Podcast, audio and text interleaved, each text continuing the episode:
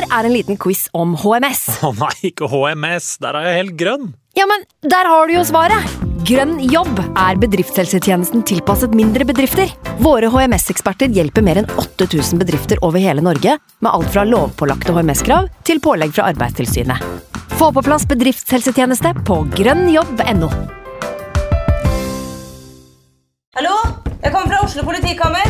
Ine Jansen er purk. Er du purk? The motherfucking bitch. Alt jeg vil, er å finne ut hva som skjedde med mannen min. Jon Carew. Er jeg sikta for noe? Iben Akeli. Det er du. Ole So, Lars Berrum og Big Daddy Karsten. Hvem sin side er du på, egentlig? Anette Hoff, Tone Danielsen, Kommer du fra Afrika? Jørnis Josef, Nesten. Kløfta. Trond Espen Seim, Det er synd å si det, men det var feil mann som døde. Purk. Premiere tirsdag på TV2 Play. Nå har vi starta. Fantasy. God evening. Straight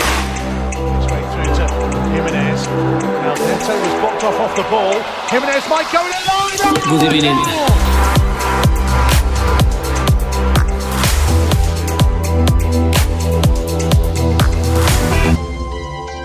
Hei sann, hei sann, og hjertelig velkommen til en ny episode med Fancyrådet.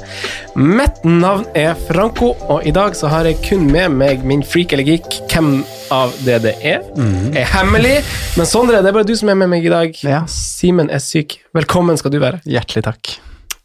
Hvordan går det? Det går fint, egentlig. Ja. vi har uh, vært en grei helg. Femte 1-1-matchen på rad for Bærum sportsklubb. Må nærme seg en eller annen rekord. Åttende uavgjort i år. Sjette 1-1-match. Femte på rad, altså. Så de som har noe stats på akkurat det, må gjerne, må gjerne plukke det fram. For det, det er ikke ofte du spiller åtte uavgjortkamper i løpet av en sesong. Nå har vi gjort det på tolv matcher. Veldig bra. Nja, ja, det er ikke, det er stabilt, det er godt gjort, stabilt det er i hvert godt gjort, det er godt gjort. Eh, I dag har vi med oss, rett fra Dagblad-TV, eh, Fredrik, Fredrik Kviltvedt. Hjertelig velkommen skal du være. Tusen hjertelig takk. Et gledelig gjensyn for oss. Du var jo hos oss for, for to sesonger siden, så kom koronaen og tok oss på, på våren her nå, hvor, hvor vi ønska å ha deg med, men eh, du er jo også kjent for å være en liten sånn United in the know. Ja, de sier så. Ja. vi skal gå litt inn på det, men jeg tenkte, tenkte jeg skulle bare stille deg et par sånne spørsmål vi har fått på Twitter, Facebook og diverse. Vi har fått fra, fra OMS, det er jo herlige initialer på Ole Martin Synnes. Kjenner du han også på, på altså bare sånn utenom fag? Kjenner du til han, Ole Martin? Ja da, vi, ja. vi er fra Lørenskog begge to. Så da, da kjenner vi hverandre. Ah, er Ole Martin en, en, eh, Er han en OMS, eller er han mer HB? Han er eh, Jeg trodde han var en OMS, Ja. men eh, så fikk jeg han med på scorerball, da, laget vårt. Eh, Og da påstod han at han spilte midtstopper. Ja. Så Løpssterk for tida. Boks, boks til boks. Noe så Han, eh, voldsomt. løper nå Sjekk de helga. stravaen hans. ja, Har du sett hva han løp på i helga? Ja, Tok nei, jeg så ikke tida. på under 35. Ja. 34 et Wow. Ja, Snittsfart på 17,2, tror jeg. Så Nei, ja, eh, hatten av. Ja, fy flate. Er Gratulerer. Ole Martin. Ja, det er helt sykt. Eh, men han spør i hvert fall om ditt største fotballøyeblikk. Eh, forrige sesong seier i Bingoligaen, eller tidenes testimonial-crosser på Marikollen. Du må kanskje gi oss litt kontekst der, for jeg, jeg tror kun det er dere to som skjønner hva det er snakk om. Ja, det er nok eh, bare oss to. Eh, For å gjøre en eh, ganske kort historie enda kortere, så eh, Lars Peter Aknes, en vaskeekte Rælingen-legende, han hadde testimonial-kamp hvor jeg fikk spille på hans Allstar-lag. Eh, Jeg var mildt sagt eh, ganske utrent, og følte jeg var på feil sted til feil tid, egentlig. Så tenkte jeg at jeg må vise at jeg kan noe. Eh, og Scholes og Beckham har liksom vært mine store idoler i oppveksten. Eh, så jeg tenkte at jeg må i hvert fall vise at i og med at jeg har den feite, treige høyrebekken for anledningen, så må jeg i hvert fall vise at jeg kan noe. Så jeg skulle eh, slå en crosser, da. Og så Det er noe av det verste jeg har sett, liksom. Det er eh, ikke fart, ikke høyde, ingenting annet enn en stygg tversoverpasning som ble brutt. Og ved neste anledning så tenkte jeg at nå må jeg vise at jeg faktisk At dette var et uhell. Og den var om mulig enda verre, den neste crosseren. Så øh, jeg kom i skam, dro hjem i skam og har nesten ikke rørt en ball siden. Så sånn var det. Så øh, for å svare på spørsmålet hans, øh, mitt største fotballøyeblikk, i hvert fall i sånn den siste tiden, da, er det å vinne bingoligaen, uten tvil. Hva er Bingoligaen? Nei, det er en liga med oss Lørenskog-folk, Ja. som jeg da pissa på Ole Martin i fjor, da. Er riktig. Veldig bra. Eh, Så har vi et dilemma fra Eivind Tveter. Sancho til United eller få en like god backhand som forehand? Nei, det er min, eh, det er min tennispartner, da, som eh, Jeg føler jo selv at den backhand ikke er så verst. Altså, jeg har en ganske fin sånn enhånds eh, backhand slice, men han tar jo alltid og slår den tilbake på backhanden min, da. så jeg har nok litt forbedringspotensial her. Oh, så det her er Nå, nå er han litt stygg med deg? Ja, det er det er litt stikk. som eh, Ole Ja. Martin, denne testimonial-crosseren og denne Ja, backhanden. gutta, så- gutta er rett og slett ute for å henge deg ut De her. er det. Ja. Så eh, det blir litt, litt som å velge mellom eh, barna mine. Det å få bedre backhand eller Sancho. Eh, så ja takk, begge deler. ja, ikke sant. Eh, vi gjør jo en glidende overgang når vi, når vi snakker om Sancho, så må vi jo snakke litt United og snakke litt deg, Fredrik, for du følger jo klubben ganske tett. Du er tilhenger av United, eh, og du har satt i gang noen tweets egentlig som har gått, eh, gått viralt. Eh, hvordan, hvordan tweets er det, for å starte der? Eh, det er litt overgangsrykter. Mm. Ja. Primært har mitt fokus vært å være, prøve å være best på Sancho. Det er jo ikke en, det er ikke en enkel oppgave.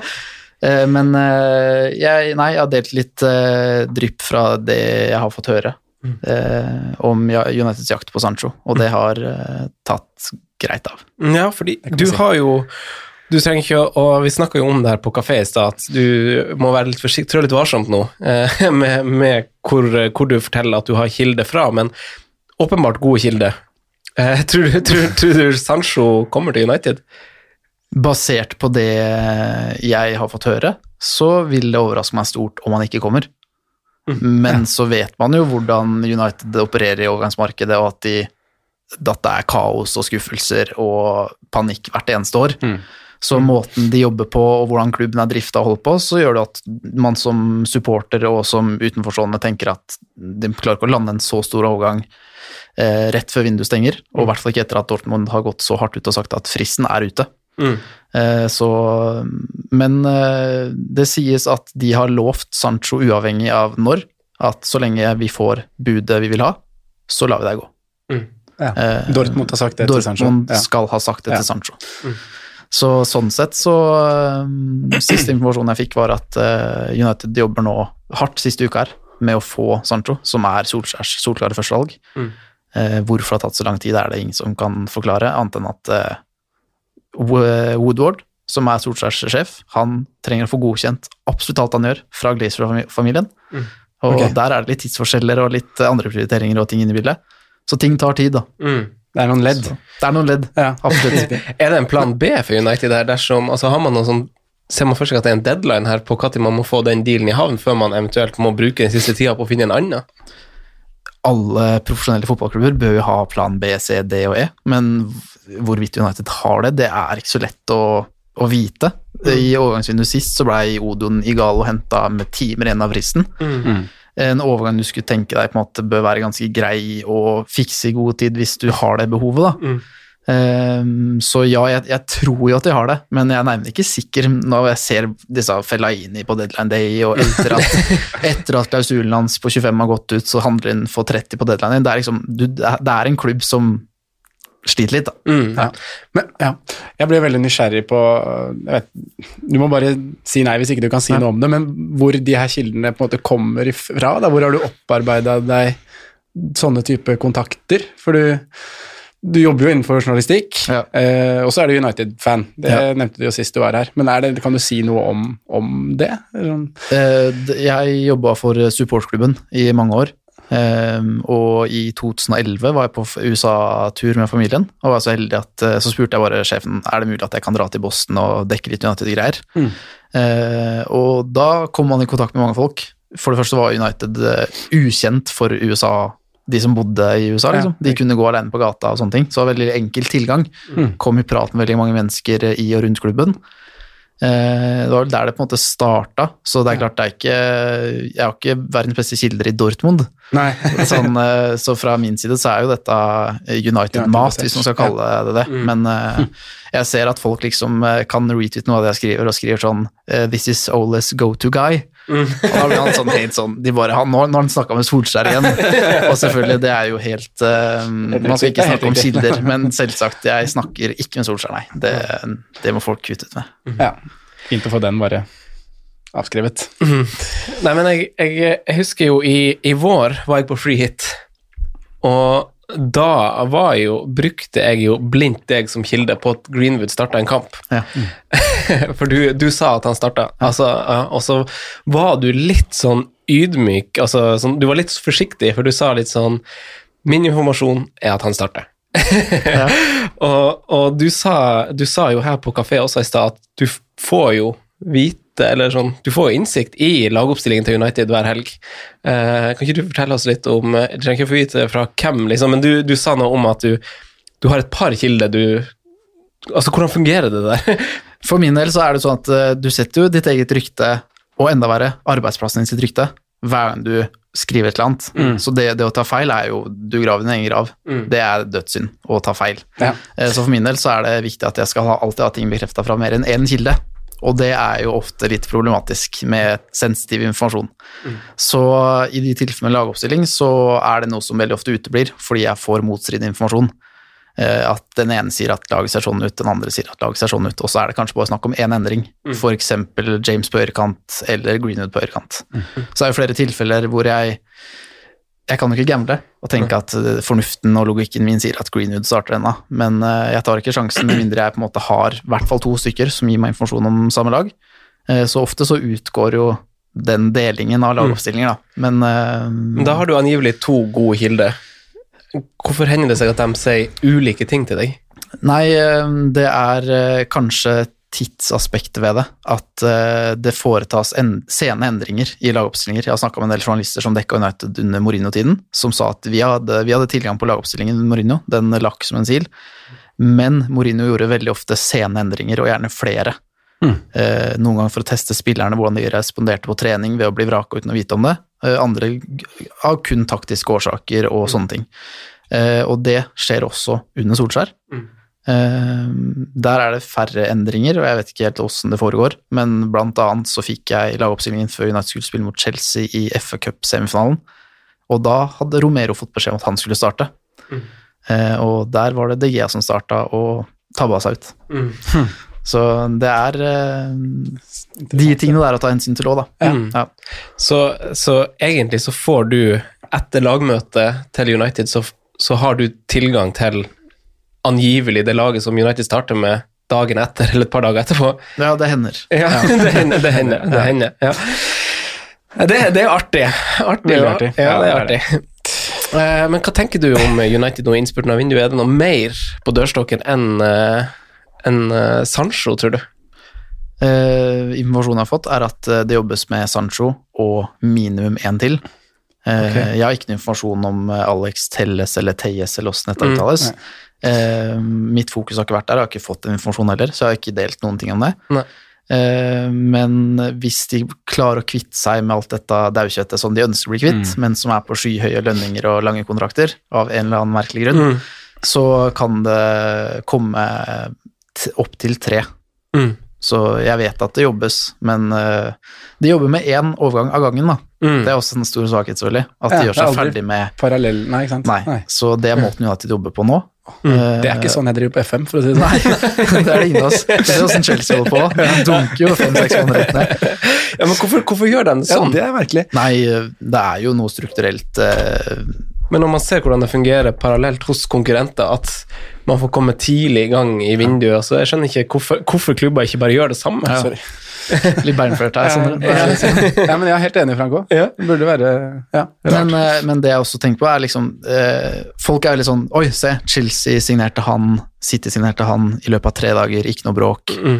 Så er det kanskje litt at man glemmer at det kan ha vært at de også jobba med overgangen i et halvt år, eller siden forrige vindu, bare at støyet uteblir. Mm. Alt United-stoff og hvor dårlig de er på overgangsmarkedet og sånne ting, det selger. Mm. Og alt eh, agentsnakk hvor de snakker opp spillerne sine om at United er interesserte, og så venter alle på at oi, dette er en spiller vi vil ha, nå venter vi på at United skal prøve seg, og så skjer det ingenting. Så fremstår United som amatører, Mm. og så er det agenter som bare egentlig har fått en ball til å spinne. Mm. Ja. Et siste overgangsspørsmål. Vet du noe om Joshua King? Jeg så han kom inn for Bournemouth i går. Fikk, vi fikk spørsmål om det på, på Instagram, skjønner du, om, om du kunne vite noe om Joshua King sin situasjon.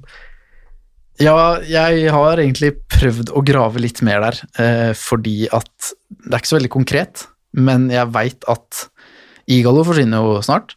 Eh, han har vår avtale fram til eh, januar, eh, og da trenger United en backup-spiss. Eh, Så Joshua King har blitt prata om i United. Han er på blokka! Han er på blokka. Ai, at det er ai, noe ai. konkret. eh, Nei, men du har god gode kilder på at Ja. han har blitt prata om Ja. i United. Ja. Og jeg, jeg vet at eh, det er såpass tidlig fase og sånne ting at eh, Joshua King ble selv overraska da han ble spurt om United. Liksom sånn, han ble Hvordan sånn- får han vite det her? Altså, at han Nei, jeg vet at, jeg vet at eh, TV 2 uh, yeah. prata med han yeah. uh, om liksom, hva tenker du om United ville hente deg tilbake og sånne ting. Mm. Og da ble han sånn veldig, eh, visstnok veldig nysgjerrig på Vet, vet du noe, eller? Vet du?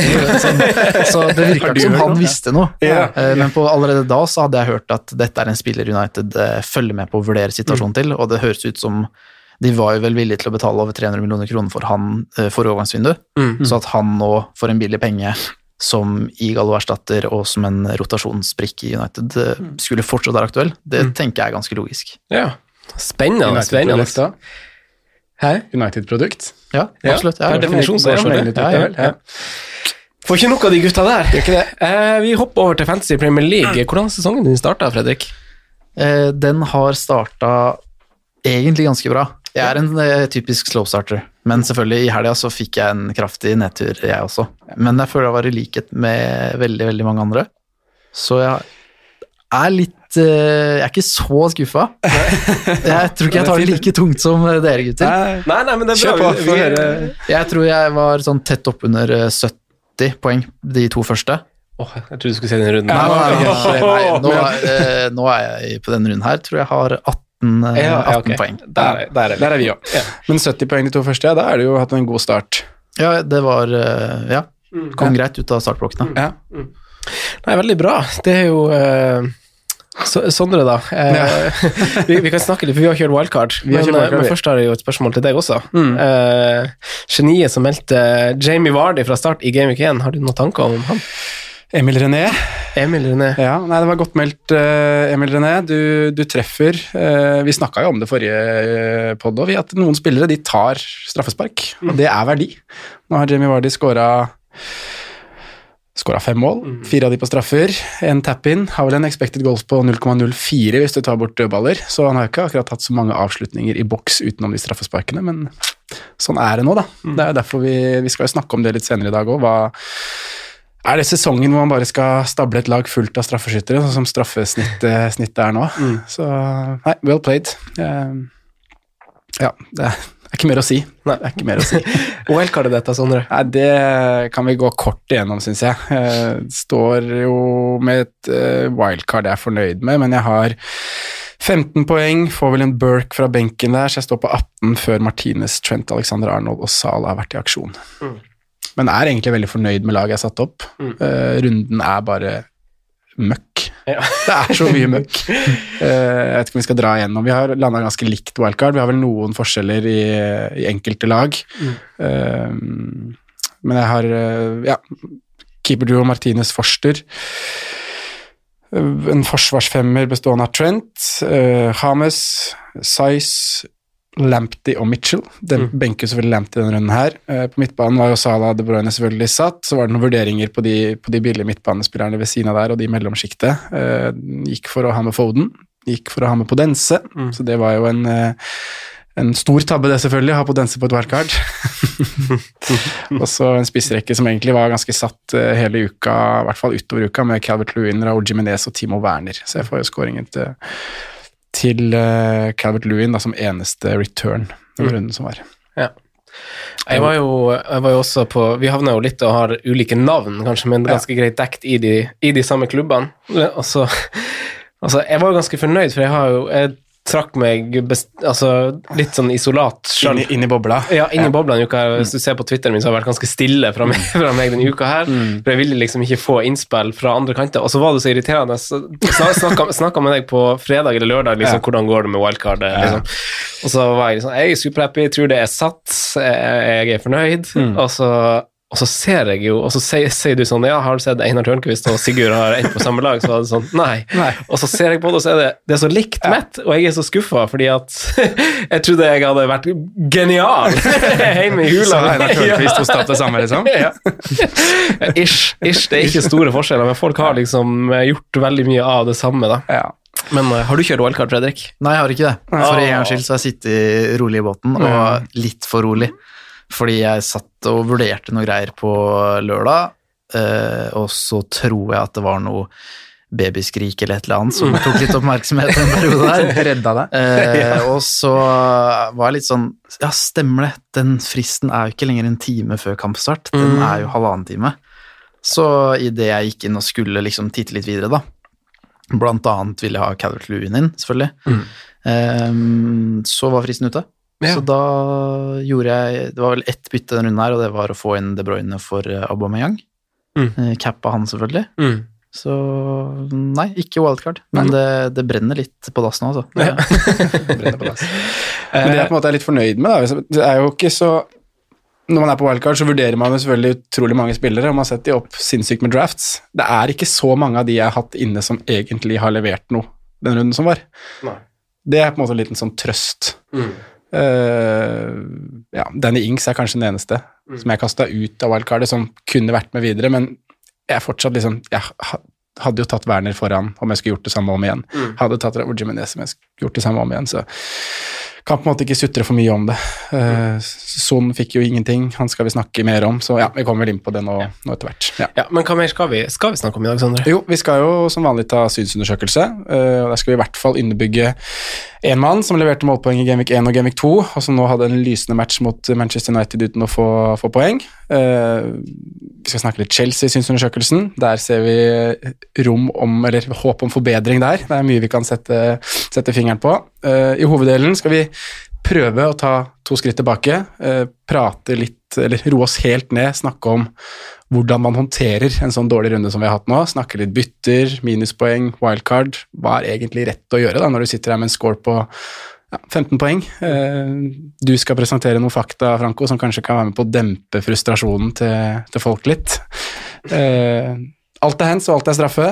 Det må selvfølgelig drøftes fra et fancy perspektiv. Eh, bør man ha færrest mulig forsvarere og heller laste på med straffeskytter i front syv? Videre må vi se på de skadede spillerne som Son og Podense. Hva gjør man med de? Hvem kan eventuelt erstatte? Så skal vi avslutte med en liten prat om de mest eide spillerne i Manchester-lagene og Chelsea. Det er dagens agenda. Ja, da går vi til synsundersøkelse, og så ja, litt pause. Ja. Mm.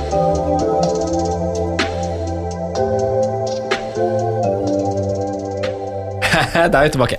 Eh, Fredrik, Ja. United, eh, for for å ta den først. eh, Man kan jo være så vågal å si at det var en skuffende prestasjon og et litt flatterende resultat. Det er helt På sørkysten. Ja. Eh, Hva, hva syns du om det vi har sett av United eh, på starten av eh, sesongen, og kanskje spesielt i kampen mot Brighton? Helt nakent. Ja. Det, det ser jo ikke bra ut, og så kan man skylde på korona og lite oppkjøring, spillere tilbake sendt fra ferie og sånn, men det gjelder flere andre klubber som likevel ser fittere ut, og som eh, ser ut som et lag likevel, da. Så jeg syns det på en måte eh, Det er forståelig at det er svakt, men ikke at det er så svakt. Det er vel mine umiddelbare tanker om det. Hvem det, hvem det du syns eh, kanskje ser verst ut, og hvem ser best ut? Uh, syns jeg eh, Rashford så frisk ut i helga. Jeg syns det. Um, Martial, nei. Litt sånn usynlig. Uh, ja. Lider jo av at eh, de bak han, Pogba annet, og Bruno heller ikke er i nærheten av sitt beste. Mm. Skal sies at Bruno leverer assist og scoring, så i et fancy perspektiv så er jo han aktuell Mm. uansett. Og så når du nettopp snakka om dette med straffer og alt der, det, Ja.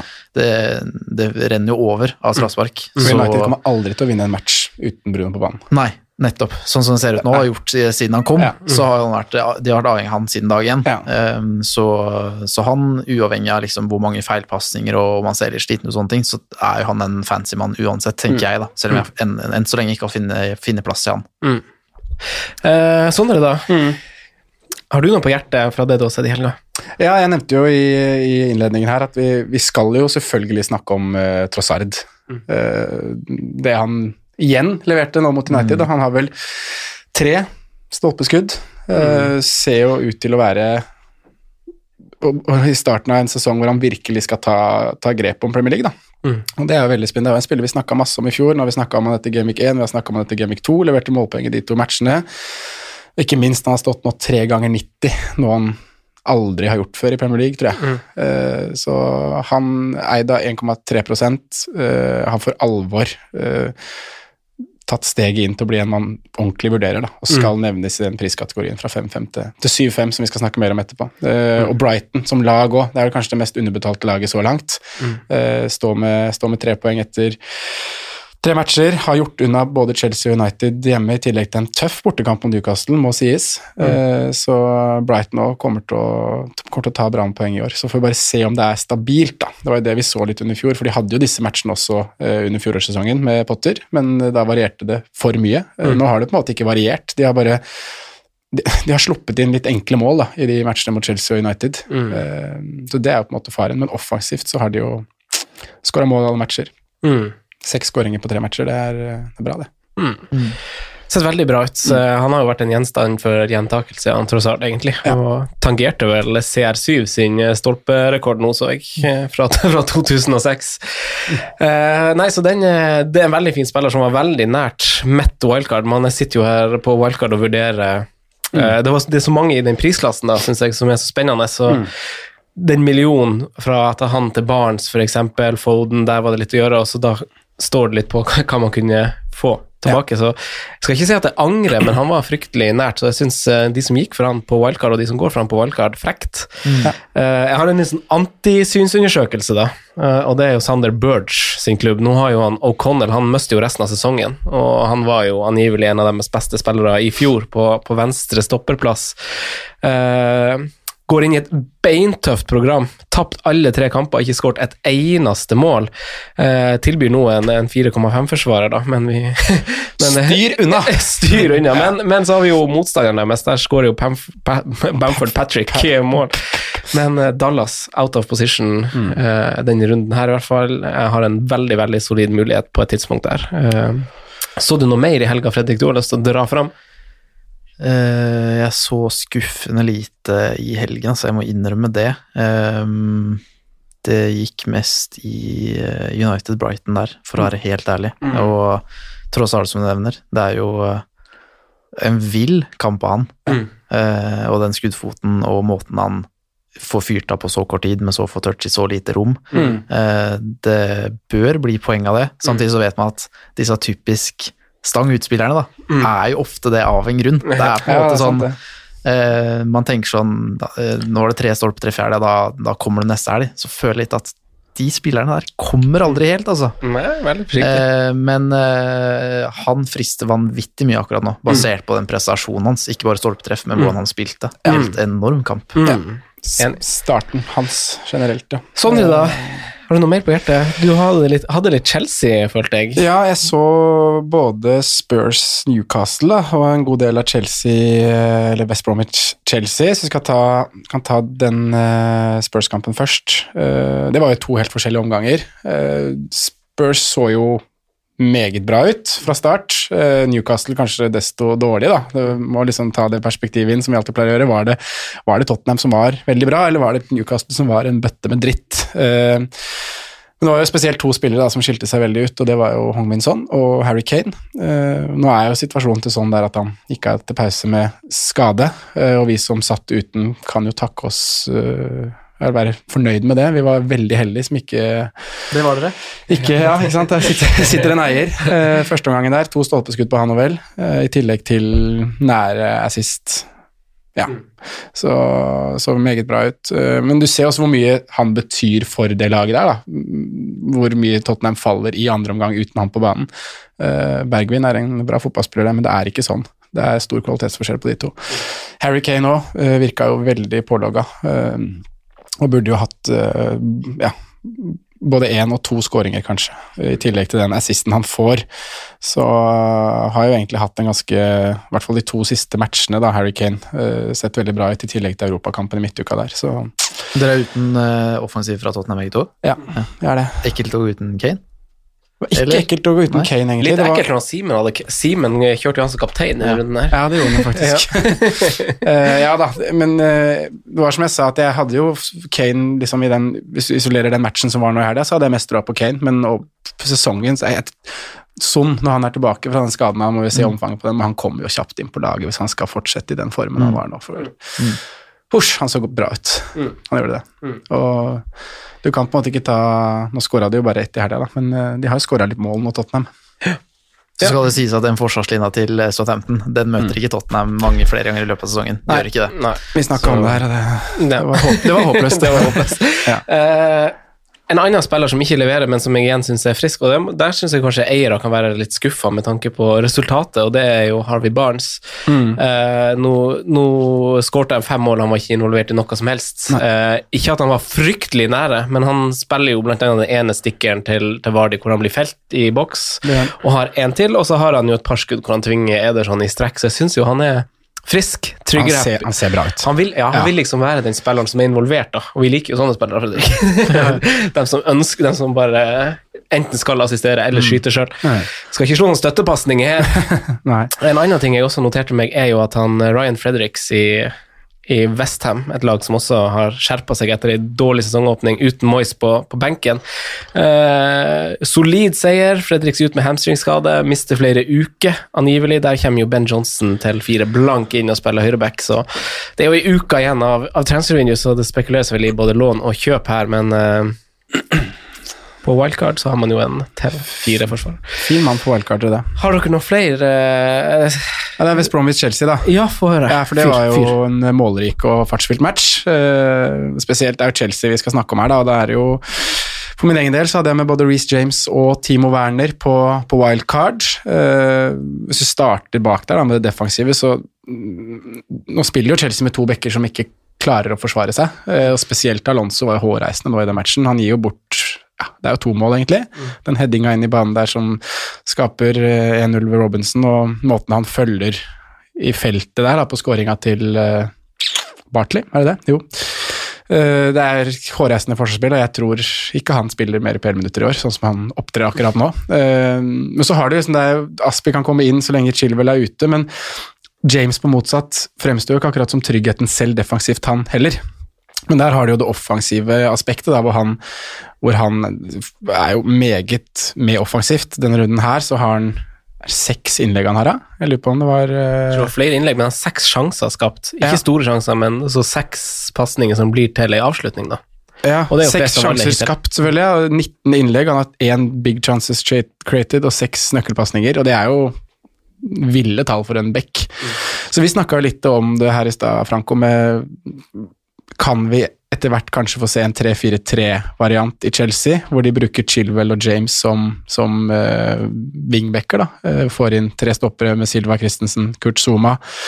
De har jo brukt den formasjonen tidligere mot antatt bedre lag, uh, men egentlig aldri vel brukt den mot dårligere lag. Eh, men om det er noe de kan gjøre, gjøre på sikt. Da, å, det må skje noe bak der, i hvert fall sånn som det så ut i helgen. Tiago Silva Den tabben han gjør, er på en måte du kan Det er uflaks tilfeldigheter, men det er ikke en god start å få i Premier League. Det er det ikke. Nei, jeg, jeg snakka jo litt med Martin eh, rett etter vi snakka om det her, Sondre. Og da Martin Sleipnes, og han sa at uh, han tror jo Chilwell og, og Reece James er tiltenkt i en firebacks, uh, for han mener at de ikke ønsker å, å, å kaste bort en posisjon med en tredje stopper, da. Eh, Nei, at Chelsea vil, vil det høres fornuftig ut med tanke på hvor mange offensive spillere de har. Ja. At de på en måte ikke kan bruke en plass på stopper. Så, Mm, ja. mm. Men uh, jeg tror det blir spennende å se. Altså, sånn som jeg ser for meg, så må man jo ha lyst til å teste det Mm. når uh, man har så backa som er så god framover. Ja. Men jeg er, liksom, jeg, jeg litt usikker på Reece James. da. Du vet, Når Chilwell er tilbake, så skal han inn på venstrebekken, og da blir det jo konkurranse mellom Aspi og James på høyre. Og så lenge Chelsea slipper inn mål, så er det jo på en måte vil alltid være en Du vet rutinen og tryggheten du får i å spille Aspi, da, men du mister det offensive som Reece James har med seg. Hva tenker du om Chelsea, Fredrik? Hva, hva syns du? Om, Ja. Hva sa du? Nei, bare om situasjonen. Det er en sånn rar start å ta, Ja. å ta hånd om.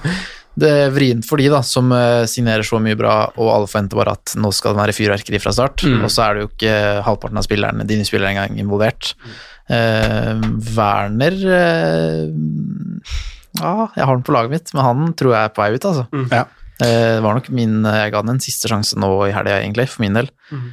Eh, interessant diskusjon om bekkene og sånn. Jeg tenker at eh, de bidragene James går med offensivt, er vanvittig bra, men at uh, Aspi er ikke halvdum Altså, nå vet jeg ikke hva Chelsea-fans mener, men sånn jeg kan jo egentlig se for meg at om han fortsetter så dårlig defensivt som han gjør, Mm. James, så kan Aspi fort bli alternativ på høyre igjen når Chilwell er klar. Ja. Det er det jeg frykter, jeg òg. Um, så er det Nei, det er mye spennende der, da. Men det, jeg tror jeg sitter rolig i båten der og venter til Jeg ble liksom ikke helt solgt av Averts sitt uh, hat trick i. Ligacupen eller FA-cupen eller hva det var. Heller at jeg liksom eh, Enn så lenge så syns jeg ikke de ser så veldig bra ut, jeg. Så jeg, jeg, venter, jeg venter men det er- litt. det er Werner ut og venter litt med de andre, tenker jeg. Ja, for. Werner er jo en som må prates om, og jeg fikk jo en melding her på lørdagskveld av min eh, gode lagkamerat Jon Rønning, som jeg oppfordra oss til å egentlig totalslakte Lampards bruk av Werner, da. Og det handler vel om at han nå brukes mer på venstrekant, og som Jon skrev til meg, det, akkurat den observasjonen vet jeg ikke om jeg er helt enig med, men at han til tider var mer nede på høyre bekk enn det han eh, var i boks.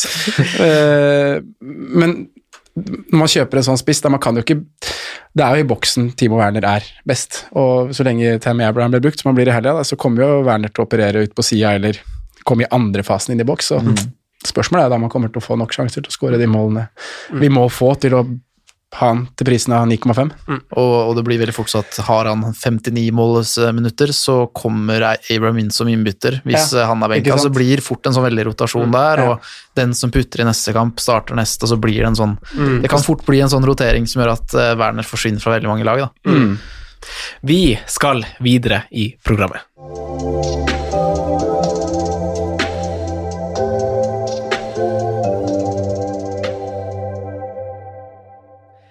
Ikke vær redd for å falle. Det er mye enklere å holde balansen liggende. Vi må forsøke å komme med noen oppløftende ord, gutter. For Yes. mange har en litt tøff runde. Og hva gjør man etter eh, nok en sånn her eh, runde, Fredrik? For de som, for de som ikke har valgkart, er det, er det dags? Jeg eh, mistenker det, ja. Og så tenker jeg at det spørsmålet er det jeg kom hit for å stille dere, egentlig. da. Jeg håpa at jeg kunne sitte hjemme og høre på podkasten deres til neste runde, også, så at jeg kunne legge en slagplan. Så eh, jeg er i en veldig tidlig planleggingsfase hvor det, nærmer seg at jeg trykker aktiver, men eh, så har jeg et sånt notat på telefonen med spillere jeg har lyst til å ha inn og som er aktuelle, men med så mange lave poengskårere denne runden her, så er det ikke noen grunn til panikk, mener jeg, da. Det er en nøkkel. nøkkel. for det er så mange. Det er kun de som liksom cappa Vardy eller Fernandes eller sånne ting, som tok litt dristige valg der, i mine øyne, da. Som, er de? som lyktes. Eh, Jeg har noen av de i mine private ligaer, og det er jo de som stort sett havner nederst hvert år, da, med all- respekt. Så eh, det er ikke noe bitterhet til dette jeg sier nå. Ja, litt, litt, jeg innrømmer det. Men, eh, men eh, nei, det Hva jeg gjør? Nei, gjør meg klokere, dere. Nei, for det, det er jo Jeg syns jo du har et godt poeng med at Altså, det er jo ikke veldig mange, bortsett fra de som har gjort litt dristige valg, som har veldig gode runder. Altså, En ting er at vi har veldig dårlige runder, men det er ikke, det er ikke store hoppet fra dem som har en god runde og dem som har en dårlig runde nå. Det er ikke sånn at det er folk opp på 90 og 100 poeng. Det, det er jo snakk om 30-40 poeng, Ja, ikke sant? og mange av de ligaene jeg er i, så er det sånn at den som nå tok ledelsen og hadde best score, hadde 28 poeng. Sant? Det er, liksom, det er 10 poeng opp, da. Det er én spiller, et kapteinsvalg, et eller annet sånt, så det er Spillerne våre i Fantasy leverte ikke en runde her. Nei. Nesten så enkelt som det. Sondre, da? Nei, Eh, Oppløftende ord fra deg. Ja, Du kan- er jo litt sånn som svartmaler litt, vet jeg. Ja, er jeg det, altså? Jeg skal, skal, hva, jeg får lov til Hva du skrev til meg på Messenger i går, da? Jeg skrev les det høyt. Jeg skrev 'Hvordan har du det?' ja, du skrev, du skrev 'hvordan har du det'? Ja. så, men jeg hadde et svar til deg, og så hadde du et litt sånn der eh, du har helsike 'hvordan har du det'? Og så skrev jeg 'hva man skal si', og så skrev du 'blytungt'. Punktum. Pila rød og fin. Så fin. grove bom. Men det var jo da før jeg rakk å gjøre det, det Fredrik sier her som er viktig, da sette seg ned og se på hva alle andre har gjort denne runden her. For du er jo ikke alene om å ha en dårlig runde. Og så når det kommer til aktivering av wildcard og bytter og minuspoeng og sånne ting, det er da det er viktig å liksom ta noen skritt tilbake. øh, åpne appen, se på Pick Team. Hvordan ser det her ut for neste runde? Uh, og jeg, som sagt i stad, jeg er jo kjempefornøyd med wildcardet mitt. Uh, selv om det får 15 poeng, eller 18 da, med Burke fra benk. Uh, så har jeg et lag som står kjempefint i neste runde. Det er ting som skjedde i runden som man på en måte ikke kunne spå, da. West Bromwich skulle skåre tre mål mot Chelsea. Uh, Westham skal vinne 4-0 mot uh, Wolverhampton. Leicester skal gå og putte fem mål på Etiad og bare kjøre over City. Det er sånn Ja.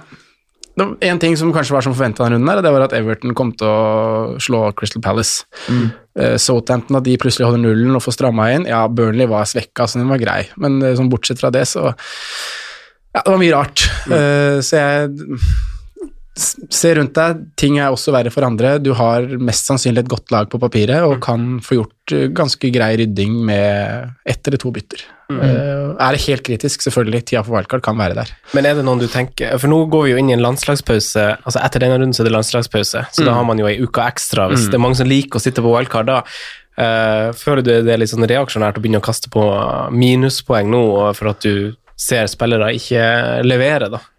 Komme seg på Vardi og komme seg av so... Altså Komme seg av Son er jo greit. Ja, ja han er jo for vidt skada. Ja, altså, skadespill og sånne ting syns jeg er på en måte greit å bruke litt ta hits for, da. Mm. Uh, men jeg vil jo ikke Det er ingen av mine spisser jeg har lyst til å bytte ut for Jamie Vardy. Nei. Uh, Calvert Loon hjemme mot Brighton, Jiminez hjemme mot Fulham og Werner hjemme mot Palace. Mm. Ryker ikke for Jamie Vardy, selv om han har Westham hjemme. Uh, de ryker heller da for Danny Ings, da, som har West Bromwich hjemme. Men uh, nei, det er ikke mange spillere jeg tenker på en måte som må kastes ut. Vi skal snakke om City og Manchester, eller Manchester-lagene etterpå, da, mm. uh, som også skuffer oss. Men de òg har jo to veldig fine kamper den runden som kommer. Mm. Eller i hvert fall City, da, med Leeds borte. Mm. Så er det jo en toppkamp i United mot Spurs. Men hva tenker du da, Fredrik? Hvordan stiller du deg til, til minuspoeng i en situasjon som det her?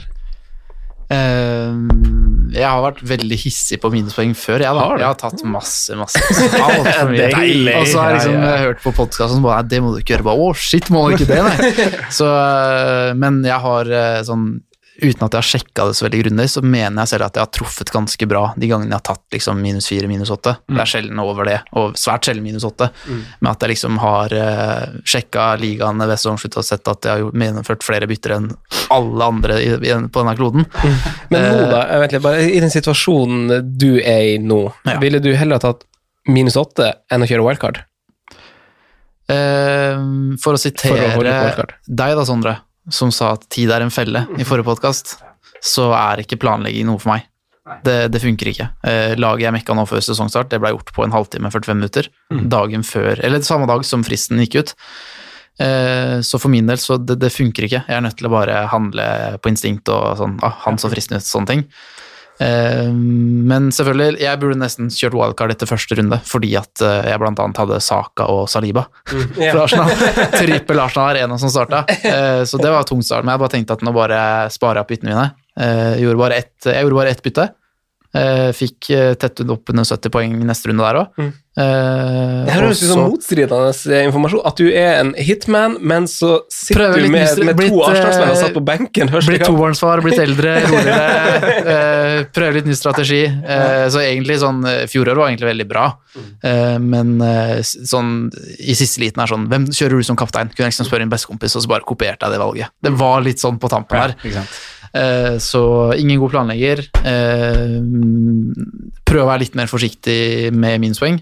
Men hadde jeg kjørt de planlagte byttene denne helgen her, som jeg da ikke rakk, mm. så hadde jeg kommet mye bedre ut av det. Da hadde jeg nok vært oppe og nikka opp under, rundt 30, jeg òg, mm. som de beste i ligaene mine. 12, 12, eh, poeng mer enn du har. 12 poeng mer. Så det hadde nok vært verdt det. Men jeg tok en sånn Jeg tenkte at nå må Werner få en sjanse til, nå må han få en sjanse til, og så ja, og, og akkurat Werner er en som jeg har sett mange liksom snakker om. Da, med, man kan ikke sitte og, de, Chelsea skårer jo tre mål mot West Bromwich. og man, jeg ville gjort det samme igjen. Werner skal med mot West Bromwich mm. borte. Man ser på tall West Bromwich, helt bøtte med dritt i egen boks. Klart han skal få sjanser. Mm. Men hadde man visst at Tammy starta, mm. så er kanskje situasjonen en annen.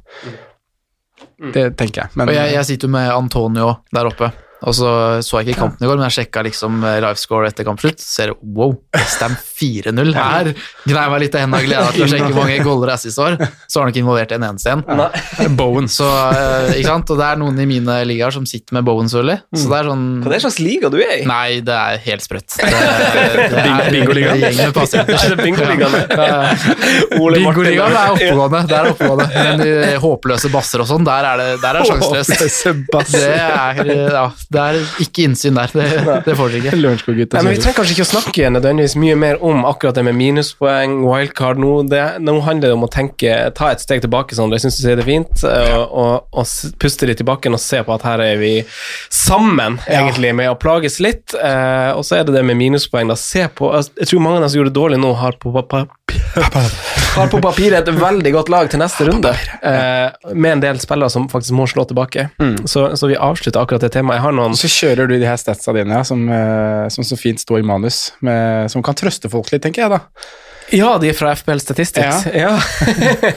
at, at, han, at han Son ble eh, triple cappa av 22 stykker i topp 10 000 denne Ja, runden. det er deilig å høre. det er fint. Uh, 2% av alle i topp 10 000 har brukt samtlige chips. Riktig. Alle tre chipsene. Vardi han ble benka av 23 stykk, nei, 26 stykk unnskyld, i topp 10 000. Den er tung, ass. Og du har faktisk 35 runder igjen på, på å røyse kjerringa her. Ganske mange runder, det. Eller Sondre, er, er, er du sliten og lei at du ikke orker å gå bedringens vei? Nei, jeg kan være med. da, da, da hopper vi på, på lytterspørsmålene. Først ett fra Facebook, med 20 straffer på hittil 24 kamper. Syv straffer denne helga, ikke vært eh, mer på 17 år, ifølge Oppda. Og, og Leicester er jo første lag i Premier League-historien som skårer tre i én kamp.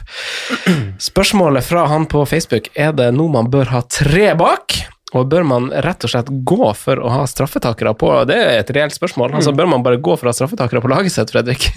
Det begynte vi egentlig å spekulere allerede da VAR ble innført. Da. At sånn, nå kom det til å bli flere straffespark. Og med mindre den hens-regelen endres i nær framtid, så må vi, ja, vi må bare losse på med, med straffeskyttere. Ja.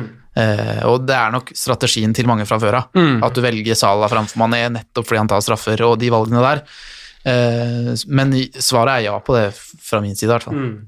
Ja, den, den hands-regelen altså, Jeg skal ikke uttale meg veldig Men jeg syns det er så rart at, at Premier League i 2020, som, som den største ligaen i hele verden, sikkert innenfor all sport, så masse sett på, og det er så masse penger der. Hvordan kan en regel fungere så dårlig i praksis? Altså, test, Prøver de det ikke? Prøver de, ser de ikke for seg hvordan det her er i praksis? Han Dyer står med ryggen til og er oppe i en hodeduell og får, og får ei heading hedda i armen sin, og så blir det straffe. Det er faen meg det dummeste jeg har sett. Ja, jeg er glad jeg ikke var Spurs-supporter i går. Ja, vært- Første gang i hele mitt liv jeg gir deg medfølelse, for det her er helt dust på trynet. Eneste måten å forklare på er at det sitter folk som aldri har spilt fotball, og lager Ja, seg reglene. det er jo det, det. det, det er jo eneste logiske forklaring her. Det er jo det, altså Ja, ser de ikke det for seg i praksis? De sitter liksom rundt et bord sånn som vi gjør nå, og så Det er jo Ja. Nei. Altså, det, jeg er veldig, veldig glad for at samtlige trenere i pressekonferanse etter kamp bare slakter regel. Så jeg håper jo for en gangs skyld vi får en regelendring underveis i sesongen, og at vi ikke må, sånn som i fjor, gå gjennom en sesong med dårlig var som nå har blitt bedre, men at de klarer å fikse hensregelen underveis og lære litt av sine feil, og Ja. ikke bare Det er vanskelig å fikse Vi skal ikke ha en lang diskusjon om hens-regelen, men det er vanskelig å fikse hens-regelen nå, da. Ja, For det vil alltid være en sånn gråsone der, og en Men jeg syns jo dine på forslag var bedre. På hvordan, hvordan det kunne løse seg. Du, du eh, spiller keeper i Bærum. Jeg bruker henne. Men ja, ja at på en måte, hvis det er en åpenbar viljehens, så blåser man, og hvis det er sånn tilfeldig Men avstanden må jo være veldig sentral, tenker jeg. Sånn som på den, når du nevner med Dyer, da, som har blitt snakka veldig mye om etter Spurs-kampen. Headinga er fra 30 cm, liksom. Ja, han får ikke gjort noe. Og i tillegg så har han jo ryggen til, da. Eh, men uh, Mopé-sin er vel også Ja, det er jo noe ish. Ish det samme. Men, ja. I, I sånn som det har blitt nå, så er jo den solklar. Mm, ja, men men den burde jo ikke være sånn Nei. Som du sier, at avstand vil være veldig sentralt. Ja. Og er det så at du ikke har mulighet til å faktisk fjerne hånda di, så bør du heller ikke straffes for forseelsen. Det, Det er, ikke Håkan Sødestjerna som løper ute på Premier League. Det, det er liksom, vi, vi har, vi har eh, Og naturlige lang- bevegelser. Man må forstå det at når man hopper opp, så kommer armene med. Man Ja. kan ikke ha armene på ryggen. Ja. Det er det sunn fornuft-aspektet. Det er jo bare helt uh, Men igjen, da, når det hindrer en 100% skåringsmulighet, så må det jo blåses også uavhengig av avstand. Men da, er det jeg men, Ja. men da er det så at du får en straff eh, som stemmer med, Med- forseelsen, liksom. At det er sånn, her hindra du et mål, og uansett om det var uheldig fra den side, så hindra hånda et mål. Ja. Så blir det en ny diskusjon igjen. Men det der med at du blokkere et innlegg med en hånd som er inntil rumpa di, liksom, og så får du straffespark og scoring imot. Det er jo en uh... Det blir jo den der vippe opp i hånda og sånne ting, Mm. som når du spekulerer i å gjøre det. Når Ja. du kommer ned til dørlinja, så kan du bare slå et halvhøyt innlegg inn, og så håpe Ja. på at den treffer hånda til Få en scoring på det. Det er liksom en straff som ikke stemmer med forseelsen. Det, det er helt enig Men det er jo for øvrig skal vi se, Markus van der Håkonsen som stilte det spørsmålet. Jeg syns det er godt, og Fredrik uttalte seg jo litt om det å gå for straffetakere, og tre bak, ikke minst, Sondre. For Ja. at det er jo så masse, så masse mål imot å få clean sheets. Det er vel grunnlaget bak det spørsmålet. Hva er dine tanker? Du gikk jo for 3-4-3 på wildcard, og det var jo kanskje ikke av den grunn, men ser Nei. du nå fordelen ved at det er en liten bonus? Ja, jeg gjør jo på en måte det, så vet jeg ikke om jeg akkurat har de riktige lagene, da. For da hvis jeg, jeg tenker jo at det er noe i det. Uh, og nå var det tre clean sheets så langt denne runden, stemmer ikke det? Southampton, Westham og, og Leeds, ja. Uh, og snittet er jo lavere enn hva det har vært tidligere. Uh, men jeg tenker jo også at det kommer til å være verdi å ha eller jeg ser da verdien i å ha dyrere forsvarsspillere som også kan tilby noe mer enn bare clean sheeten. Jeg tenker at den rulleringa med fire-fem forsvarere som man har utelukkende bare for å få clean sheets, at den måtte gå litt bort. At man må se etter forsvarsspillere som da kan tilby noe ekstra, da. Eh, og at egentlig fire-fem-klassen utgår litt, for de lagene der det holder ikke så mye clean sheets som det har blitt gjort tidligere.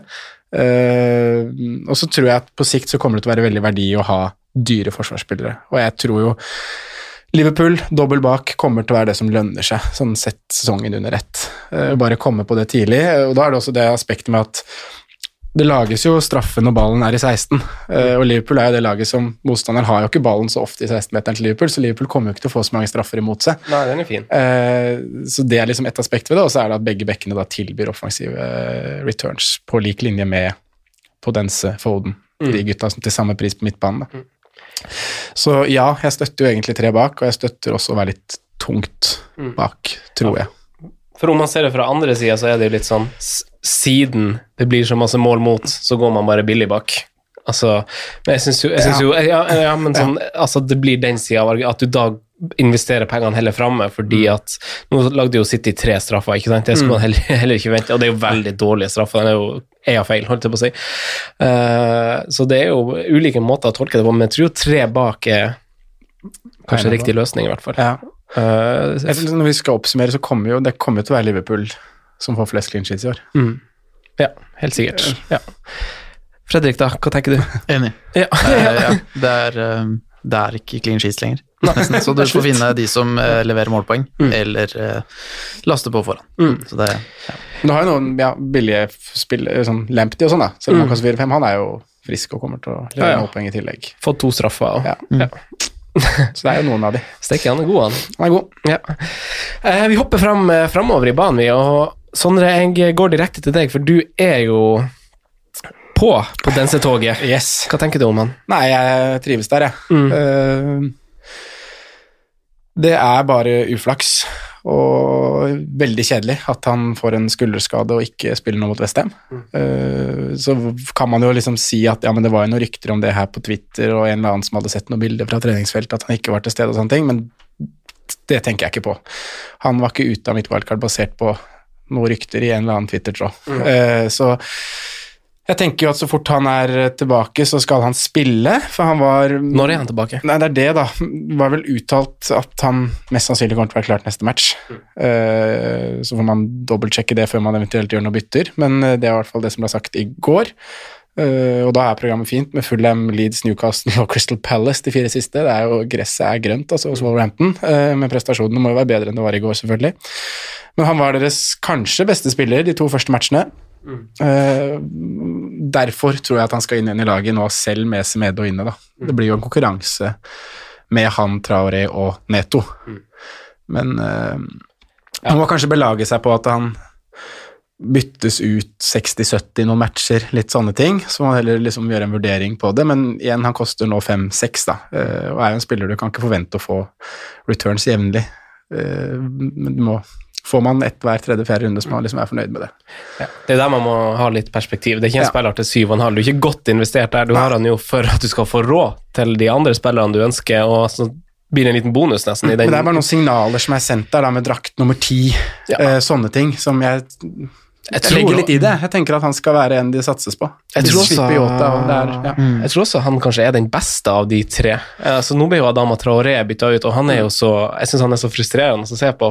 Eh, Han er jo åpenbart god og skaper masse trøbbel, men han gjør det samme hele tida. Og han blir jo bytta ut, og Neto blir i 90. Mm. Hva er dine tanker, Fredrik, om det offensive, først og fremst i, i Wolverhampton, og da kanskje på Dense? Har du vurdert?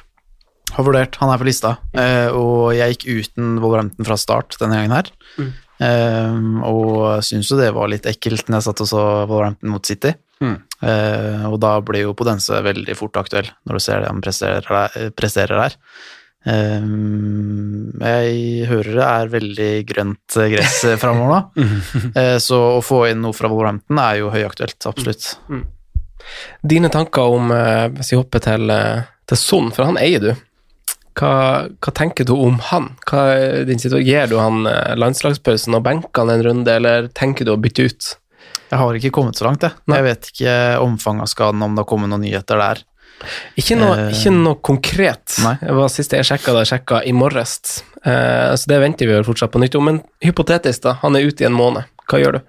Eh, sånn jeg opptrer, så er det rett ut, og så er det eventuelt rett inn igjen når den er frisk. Eh, jeg tar noen hits og sånn for det.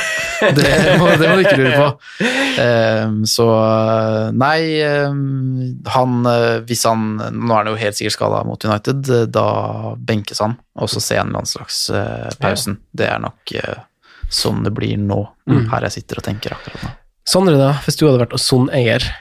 Er Nei, den er litt vrien, den der. Eh, jeg, han er jo ute mot eh, United, det er jo på en måte bekrefta, og så er det jo den landslagspausen som, som snakkes om. Så jeg, det er litt avhengig av hvor mange bytter jeg hadde hatt, egentlig. Hadde jeg hatt to bytter, eh, så tror jeg Da hadde jo han vært en av de som hadde gått med på de to byttene nå før neste runde.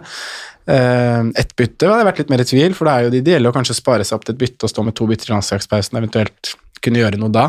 Så benka han en runde. Ha, kunne vært aktuelt, men det er litt avhengig av hva man har å spille, spille fra benken, da.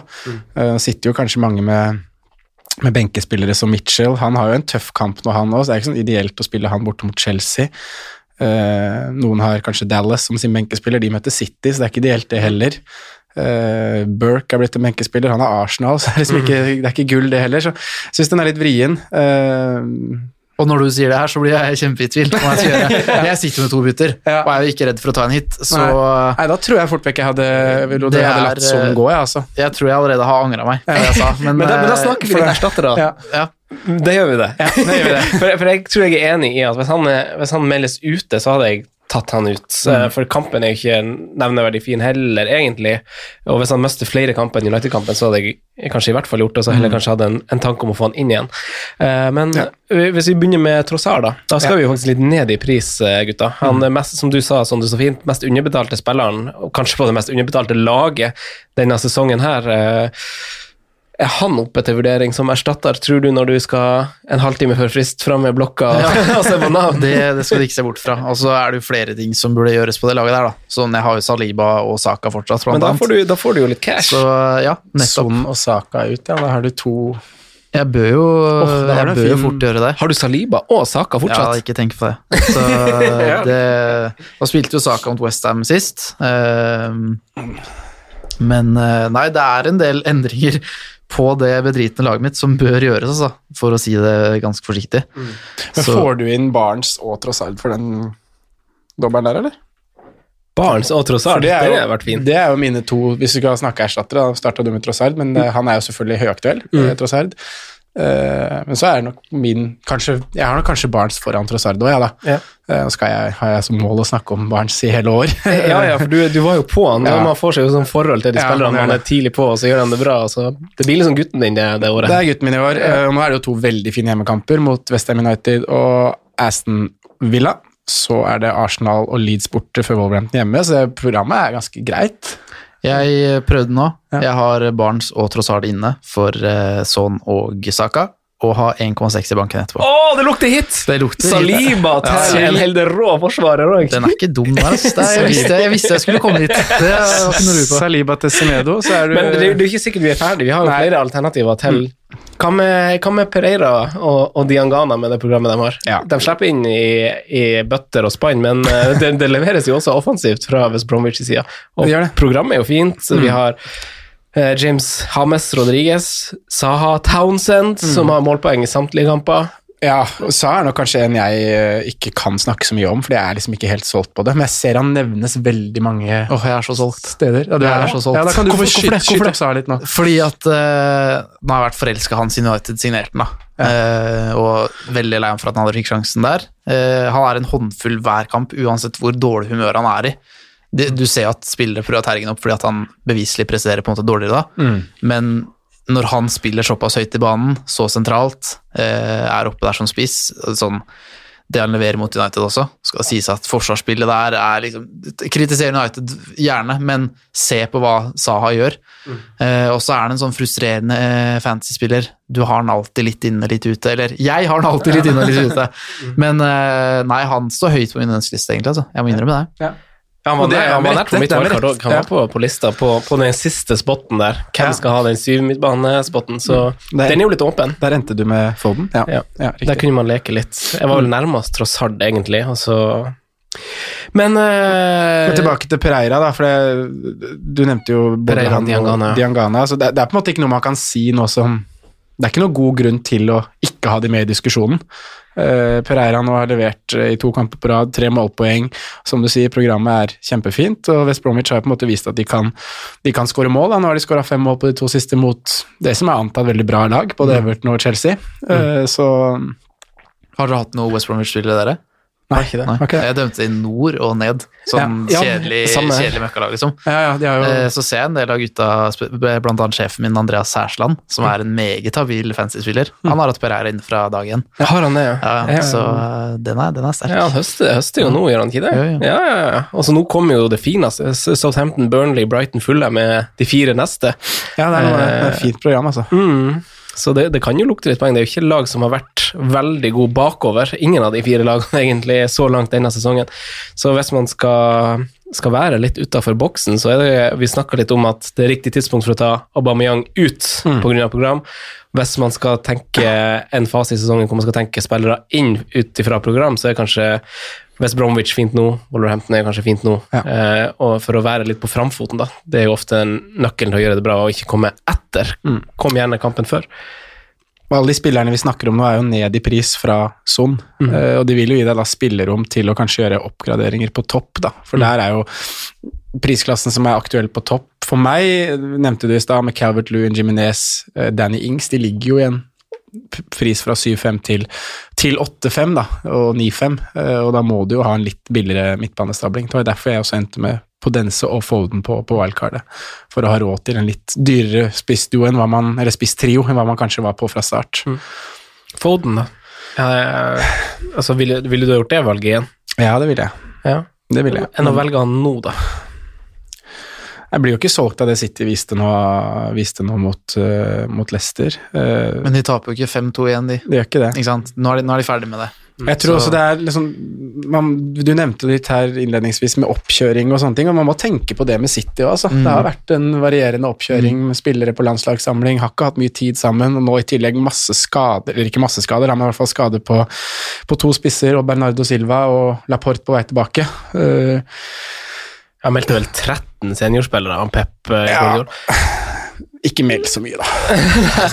Men, ikke så ille, er det men, det? men jeg så også Oppda skrev det at det er 438 kamper siden sist eh, City slapp inn fem mål på, Ja, på Etihad, og, og det er første gang på 686 kamper at Pep gjør det i det hele tatt. Så, så det er jo åpenbart ikke hverdagskost, som, som Fredrik er inne på. Nei. Brukt 400 millioner pund på forsvarsspillere. Ja, Det var sånn til info. Ja, det er sykt at det ikke fungerer. penger. Nå er det Ruben Diaz, da, neste vei på vei inn. FM-stjerna. Han er så sabla god på F1. ja. Men uh, jeg syns jo Brede Hangeland har en ganske fin uh, Altså det, det er åpenbart at teamet til City også sitter og ser på hva som ikke fungerer. At de åpenbart kjører en sånn offside-felle som Brede Hangeland påpeker i studio, som bare ikke funker. Mm. Jeg, klarer, ikke, klarer ikke dem opp for løpene i bakrom, spesielt fra Vardi og, og Barnes i den kampen her. Eh, så, så om de gjør noe grep der, eller om det er et, noe sånn bevisst der, det skal han Peppar gjøre. Vet ikke. Så For det virker jo som, som han påpeker, at det ikke nødvendigvis spillerne sin kvalitet det kommer an på eh, i bakre rekke, men at det er et system som kanskje ikke fungerer så bra. Så ser vi jo gjentatte ganger da at alle lag som møter Leicester og spiller hjemme og skal angripe, de sliter jo med bakromsløpa Ja. til, til disse gutta. Mm. Sånn er det jo for alle. Og så Mm. kan man kritisere noen valg, selvfølgelig. Mm. Så ja. Så er det noe med De har jo Lenge siden City har klart å stable en firer som har vært lik i mer enn to matcher på rad bak der. Vi så vel i, i preseason-episodene at det var bare Kyle Walker Han, han starta 29 kamper i fjor i Mm, Premier League, og det, han var den som starta mest av forsvarsspillerne. Ja, klart det har mye å si. Han var borte i ni kamper. Ja. Så det, Men, det er jo eh, manglet kontinuitet. Men Phil Foden jeg sitter ikke med Det er kanskje det som på en måte er den største byllen min på wildcard, men jeg mener jo, som jeg sa, jeg ville gjort det igjen. Jeg syns jo eh, tidspunktet for å gå ham før runden nå der var helt riktig. Man fikk nyheter om at nå var Jesus skada òg. Da er det naturlig at Stirling skal inn og spille spiss. Det betyr enda en ledig plass på kanten. Eh, vi vet at både Ferran Torres og, og Jan Mares trives best på høyre, ikke sant. Da har man Nå er naturlig at Phil, Phil Foden skulle spille venstrekant. Mm. Med Bernardo ute i tillegg, så er det også en indre løpeplass som er ledig der, så jeg Ja, før runden. Jeg ville ikke gått for det nå, jeg, egentlig. Jeg har alle de gutta vi har snakka om nå foran, både Barents, Trossard, eh, kanskje Sa og Pereira også, for det er i hvert fall klinkere 90 minutter. Da. Hva med de her gutta som, går i, som er i andre rekke, da, Fredrik? Eh, Neto, som nå fullførte 90 for Wolverhampton i fint program. Eh, Townsend, som har levert eh, mot alle odds, holdt jeg på å si, eh, stabilt. Eh, Diangana. Sånne spillere som er ett knepp ned i pris. Sånn som plan B-løsninger, hva er dine Ville du? Nei, jeg må skyte inn et navn til. Han Klish. Ja. Leeds. Det er vel straffeskytter òg, er det ikke det? Jo. jo. Det er det faktisk. Så god. Steg i pris. Mm, kan det stemme? Ja. Mm. Eh, hva er dine tanker om, eh, om eh, spillerne som er ett knepp ned i pris, men åpenbart ikke kanskje hovedperson i, i laget, som man gjerne liker å gå til? Den er, jeg syns den er så vrien. Ja. Eh, det er jo en grunn til at jeg ofte velger å styre unna. Mm. Eh, sånn som Townsend. Det er litt sånn Redmond Townsend, alltid sånn ganske gode underliggende tall. Når du ser dem i aksjon mot ditt lag eller den kampen du ser, så wow, de ser litt spennende ut, liksom. Og så er det en grunn til at de aldri tar helt av. Det er for ustabilt ujevnt. Så, sånn som selv om Når Townsend leverer to helger på rad, eller hva det nå blir, så er det litt sånn da føler jeg at han nesten er ferdig for sesongen. Da har han, da, da har han gjort sitt. Ja, det er litt sånn, Eh, ja. Så at det på en måte begynner å bli litt seint med eksempel han. Eh, og Neto, da, ble det litt sånn, da er det bedre alternativer i Wolverhampton som jeg mye heller vil ha, selv om det er en prisforskjell man må ta hensyn til her. Ja. Skal ikke være annerledes bare for å være annerledes. Nei, det er litt gøy det òg, da, men, eh, men eh, ikke akkurat der. Nei. Så er det jo to Westham-spillere òg. Jeg er veldig spent på hva alle Det er jo en del som hadde Sortsjek fra, fra start, Mm. Eh, og nå hadde jo han en meget god match i går. Fem skudd, fire av de i boks. Eller headinger og skudd, da. Mm. Må jo tas med det. Eh, Jeg får vel en Det ender vel med assist, gjør det ikke det? Jo. For det er jo den vi får et selvmål på, på godeste Raoul på. Eh, men ja, han til prisen av fem skal jo inn i den bolken der, han òg. I tillegg til Bowen, da. Med, han er jo kneppet opp igjen, 6,3, som nå har tre 80 pluss-minutter på rad og nå to skåringer. Sunket med 0,2. Sunket med 0,2, ja. Eh, men snakker vi om Westham, så er jo programmet vesentlig å legge inn her. Da, da har de Leicester, Tottenham, City, Liverpool de fire neste kampene. Og så, og så har men, de første kampene også vært tøffe, så det er jo veldig Ja. aktuelt etter det. Ja. For da vet man jo at kampene er fine. men her må man kaste inn form over fictures, da. I hvert fall en enkeltspiller av Bowen som kanskje virker å være påskrudd. Men jeg, jeg sier nei. Jeg gjør det. Jeg sitter jo med Antonio. Har du noen gode råd eh, til Herman som sitter der borte? Jeg hadde sittet med han, jeg. jeg hadde ikke gjort han til et prioritert bytte hvis det var sånn skada, i hvert fall. Nei. Du har Son Saliba Saka, da tenker jeg Antonio I hvert fall ikke etter den seieren de hadde Jeg sitter med Werner òg, ikke sant. Det er, jo, det, det er jo egentlig wildcard, eh, det lukter det egentlig. Men eh, jeg sitter rolig så lenge. Nei, nei. Nei. nei. Nei, men men, det er også- mye med det laget her jeg vil gjøre. Ja, men, ja, men det satt jo jeg og Sondre også med, og sikkert mange andre på wildcard, og så, og så kasta vi Ings og McCarthy, som føles som de eneste spillerne som faktisk fikk, eh, fikk, fikk en return i runden der. Men hvis vi snakker litt lag som har vært litt tørr, da. Vi, vi spillere i United, eh, Fredrik, hvis du skal være litt hard og litt konkret, er det noen spillere du ville ha kasta eh, ut av fantasy-laget ditt, og er det noen mer spesifikke som du ville ha beholdt og fortjener flere sjanser? Jeg ville i hvert fall gått Rashford over Martial enn så lenge. Mm. Eh, Hvis, har, hvis man har Martial nå, da, hva gjør man da? Hva, hva tenker du om det? Hæ? det, det ser ut som at det trenger eh, en måned på seg før de er i gang. Mhm. Eh, men det er klart, han har jo bidratt vanvittig siste halvåret, da. Eh, den er skummel og ekkel, og det er litt sånn Den ene kampen så scorer Rashford, og så tenker du nå går jeg for han, og så neste så er det Martial dobbel, også. Mm. De bytter litt på, de gutta her, da. Den eneste stabile som leverer sånn ordentlig, eh, er vel Bruno er det tryggeste. Mm. Ja. Greenwood ser jo fryktelig sløv ut, da. Mm. Men så er det den har skuddfoten, da. Han trenger den ene sjansen fra 20 meter, og så er det Det er sånn du Så- snakket om etter Trossard, han trenger jo ikke mye tid og rom. Nei, Greenwood. nettopp. Er- Så jeg er veldig svak for Greenwood. Mm. Veldig. Mm. Men basert på det han har levert hittil, så, så ser han jo ikke matchet ut i det hele tatt. Men er eh, Martial en litt mer hjemmespiller enn bortespiller? Er det noe i det? Jeg veit ikke. Eh, de skårer altså Uniteds prestasjoner på bortebane siste året har jo vært skrekkelige. Mm. Og så har det fått seg en opptur eh, nå etter Solskjær, egentlig, tror jeg. I Mm. hvert fall forrige sesong. Eh, hvis ikke Det kan hende at jeg sier feil nå, altså. men jeg tror det. Um, bedre, bedring, ja. Eh, Men når han er på, da, og han er mye mer på mye oftere nå enn det han var under sine Mm. tidligere sjefer, eh, så Marstad er en mann man skal følge med på nøye, altså. Mm. Han er den som er eid eh, ja, nest mest, da. Bak Bruno av United-gutta. Ja.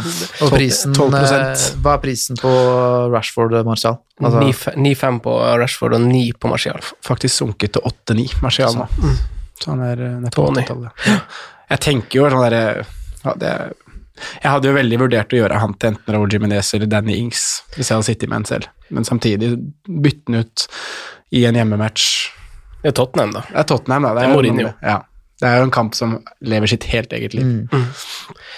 Eh, nei, for jeg, jeg klarer liksom ikke å bli helt klok på hvis jeg, Nå sitter jo ikke jeg på noen United-spillere, jeg syns jo det føltes godt å ta ut Martial. Jeg satte jo inn han før runde to, før Mm. Pelles-kampen. Syns det var veldig godt å nappe han ut. Eh, og jeg ser jo ikke dit ennå. Jeg kjøper veldig godt argumentet at han venter, venter noen uker før man, eh, man ser det komme i gang først. Eh, men ville du Sondre ha kasta spillerne fra United, eller for, for det er jo, man er jo godt investert her, og det, det er jo de spillerne som er så dyr man må eller krever at leverer, da. Hva tenker du? Spørsmålet er om de er så dyre at du på en måte kan ha råd til å ta en gamble på dem. Hvis, du, hvis man har de to som på en måte er åpenbare å ha på laget, som jeg mener er Salah og Kevin, eh, hvis du da i tillegg har Rashford eh, og Martial typ over, eh, der hvor andre da har hatt Son, Ings, Werner og sånn, så mener jeg at det er jo ikke et bytte som må gjøres. Men hvis det er en, en, som en del av en pakke for å få inn det som er essensielt å ha, Salah, Kevin De Bruyne, da mener jeg at det må gjøres. Um, men jeg, jeg ville nok prøvd å kvitte meg Bruno med det. Fernandes, da, hva ville du gjort med han? Nei, han vil jeg kvitte meg med, fordi at det, du kan ikke ha han i tillegg til Sala Han og, og Kevin. Det, det går liksom ikke. Så hvis du har klart å få til det og er fornøyd, så ville jeg jo stått med den. For han som, som du sier, han er straffeskytter, og han er jo den beste spilleren til United. Kommer aldri til å vinne en kamp uten Bruno på banen. Eh, De Bruyne, da, det var jo Jeg syns jo han var ganske svak. Eh, veldig sånn uh, Det var merkverdig hvor, hvor off han virka, egentlig. Sto mer og smilte og snakka med Jamie Vardy og Lesser-gutta enn å virke påskrudd, syns jeg, da. Eh, det er vel ikke noen grunn til bekymring der, eller? Men Stirling og sånn, da, eh, som ikke fikk det til å fungere på topp. Eh, det var riktignok et lag som la seg veldig bakpå, da, men det er jo sånne lag City møter. Hva tenker du om, om godt eide og snakka om City-spillere? Nei, Hvis du har tatt en sjanse på å ha Stirling enten over eller ved siden av Kevin De Bruyne nå, før Leicester og inn i kampen mot Leeds, så mener jeg at du bare må stå, stå med det, da, og ikke la deg stresse altfor mye av den ene matchen nå. Men uh, det er noen der litt Man kan jo ta med seg de tingene du nevner her, da, at de ser litt off ut. Uh, så er det Leeds i neste match, da. Så får vi se. Det er én kamp. Ja. Det er en. Den var veldig god mot Wolverhampton. Ja, og da 45. snakker vi om Kevin De Bruyne er den sykeste kampen han kanskje har gjort i Premier League, og hvor, hvor bra han var. Så Kan ikke gå uten han. Nei, nei, nei, kan ikke gå uten. Og de andre du på en måte har valgt å pønte på, du, du gjør ikke noe med det enda. Du gir det en match til. Ja. Enig i det. Eh, Chelsea, da. Der har vi jo en spiller vi tre har vært eh, gitt flere enn bare én sjanse. Vi er han tre. Eh, han fikk jo riktignok en straffeassist og kunne ha to. Eh, vi har alle tre på han. Eh, The Werner Bros. Mm. Eh, Fredrik, hva er, hva er dine tanker om Du har jo skutt inn med litt Werner skepsis her gjennom podkasten, egentlig. Hva, hva er dine tanker rundt han? Jeg er jo han som ikke vet hvem Chelsea møter eh, i neste kamp, så det er jo også litt uh, viktig å vite før man uh, gjør noen valg. Vil du vite det nå? Ja, gjerne. Crystal Palace? Hjemme. På brua. Hjemme, Ja. ikke sant. Og jeg tenkte sånn at uh, å hive ut Werner basert på den presterte mot Brighton, det kan jeg ikke gjøre. Nå møter de West Bromwich i neste match, og der kommer han til å levere, var min tanke. Da får han en siste sjanse. Og så er jeg veldig Jeg er et svakt menneske som tenker at nei, de må få en sjanse til. Eh, og jeg er litt, uh, og i hvert fall med sånn ute, og de byttene jeg blir tvunget til å gjøre der, eller i hvert fall etter- å ha pratet med dere Jeg snur kappa etter vinden her, merker jeg. Men uh, eh, han, han blir nok han, men jeg, jeg, er ikke solgt, altså. Ikke i det hele tatt. Nei. Jeg er for så vidt enig. Altså, jeg tror heller jeg sitter på muligheten til å ha to bytter i landslagspausen og spare nå. For jeg ser ikke et sånn naturlig bytte å gjøre Werner til, egentlig. Og da tenker jeg litt ut ifra motstander i den kampen. Mapai kanskje fått litt penger der, men det er Everton borte. Det stinker ikke mål der, syns jeg. Eh, og Jeg har Ja. et naturlig bytte. Ja, Ings. Ja. Ja. Men jeg er liksom ikke så frista av han Ings på sikt heller. Jeg syns ikke de tre neste etter der er kjempe, kjempefine. Nei, du er litt redd for at uh, Greit, han kan få en scoring mot uh, Ja, altså, hvorfor- ja, han kan få en scoring mot West Bromwich, men Werner kan også score mot Palace, og da er det, da er det en veldig fine kamper igjen på Werner som kommer etter det. Ja. At det blir sånn Ja, ja, det er det jeg er redd for. Og så skal Ings eh, borte til Chelsea, og så er det Everton, og så er det Villa borte, som vi har snakka litt opp at har skjerpa seg litt defensivt. Så, så jeg har veldig lyst på Ings før runden. Hadde det vært, vært en sånn type fantasy, så hadde jo han vært eh, kanskje kapteinsmateriale den runden. Ja, for han er jo det. Ja. Han må faktisk, han må jo nevne, Vi skal jo ta Ja. kapteinsprat senere i uka, men han kommer jo til å bli nevnt der. Ja. eh, Og det er basert på West Bromwich. sin Men jeg vet jo at du er frista på det byttet. Jeg er fristet på det byttet. Eh, Det lufta du tidlig. Vurderer du?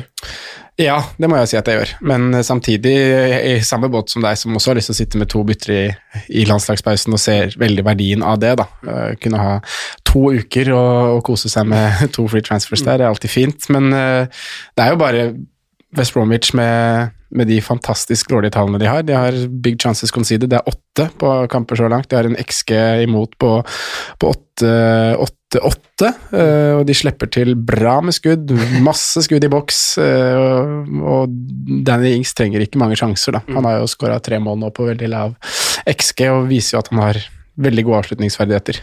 Eh, skal målet nå i helgen var jo veldig enkelt, men skåringen mot eh, Spurs hvert fall var jo var veldig bra. Så jeg fristes av det byttet, men som du sier, Werner kan jo fint få med seg noe mot Crystal Palace hjemme, og da er programmet videre ganske sånn 50-50 mellom de to, da.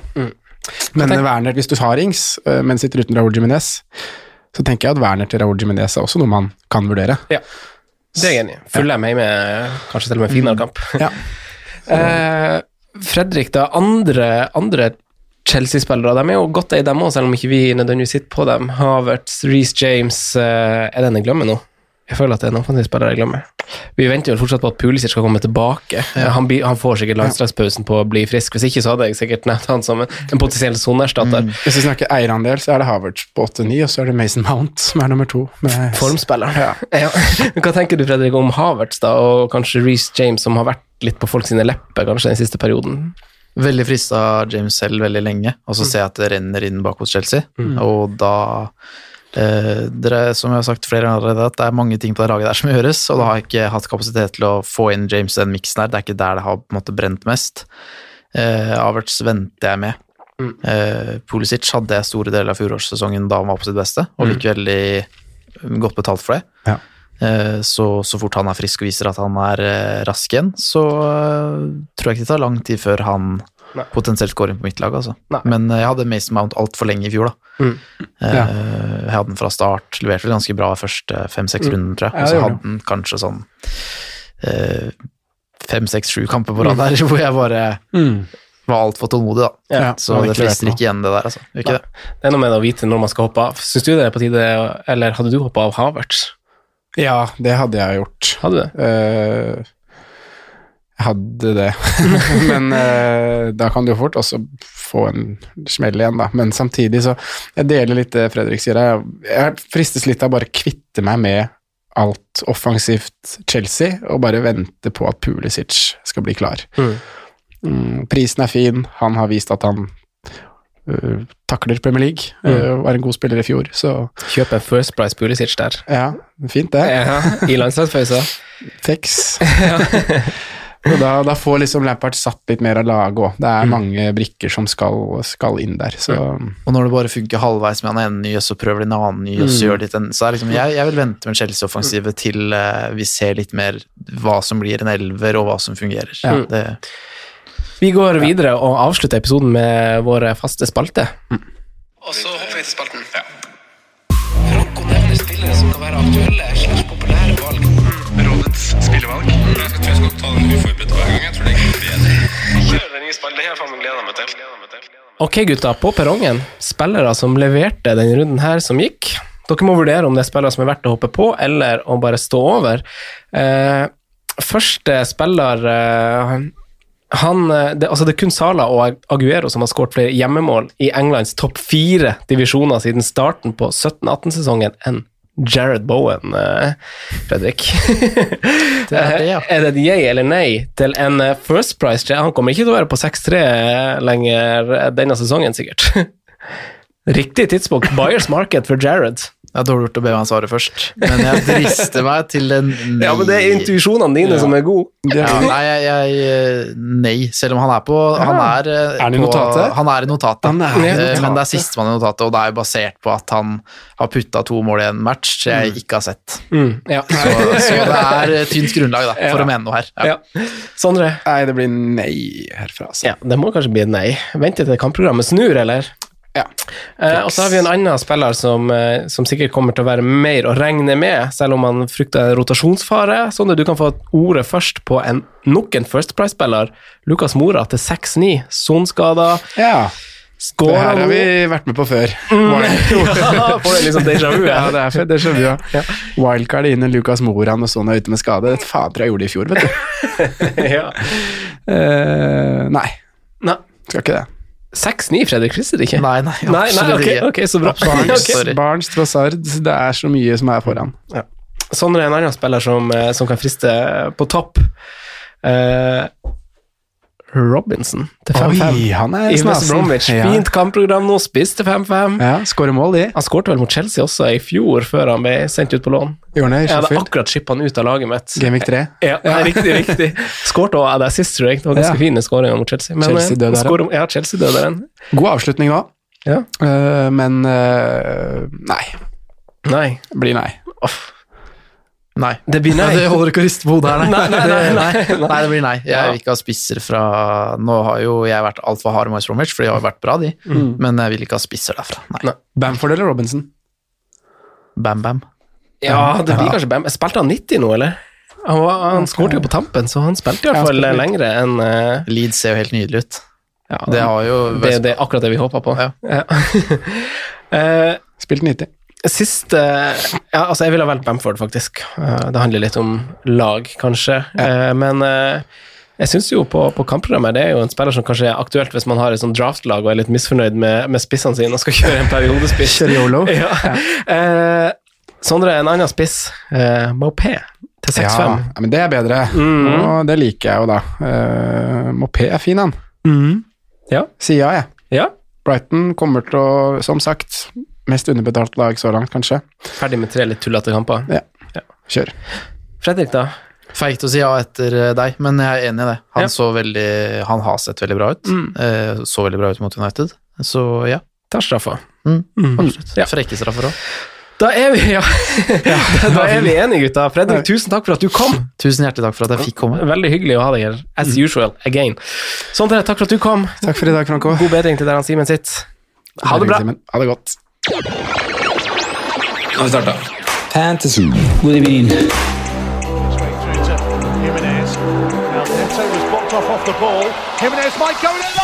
Good through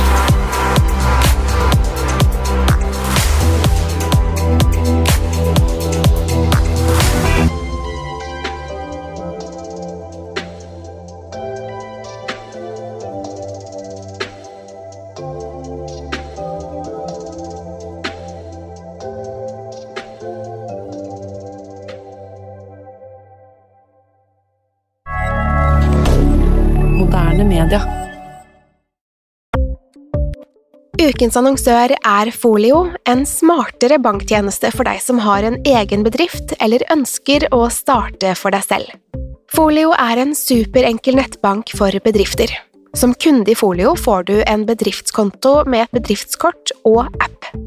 I denne appen er det smarte løsninger som forenkler regnskapet ditt, uansett om du har en liten bedrift eller et enkeltpersonsforetak. Folio er både intuitivt og brukervennlig, og er laget med et enkelt språk.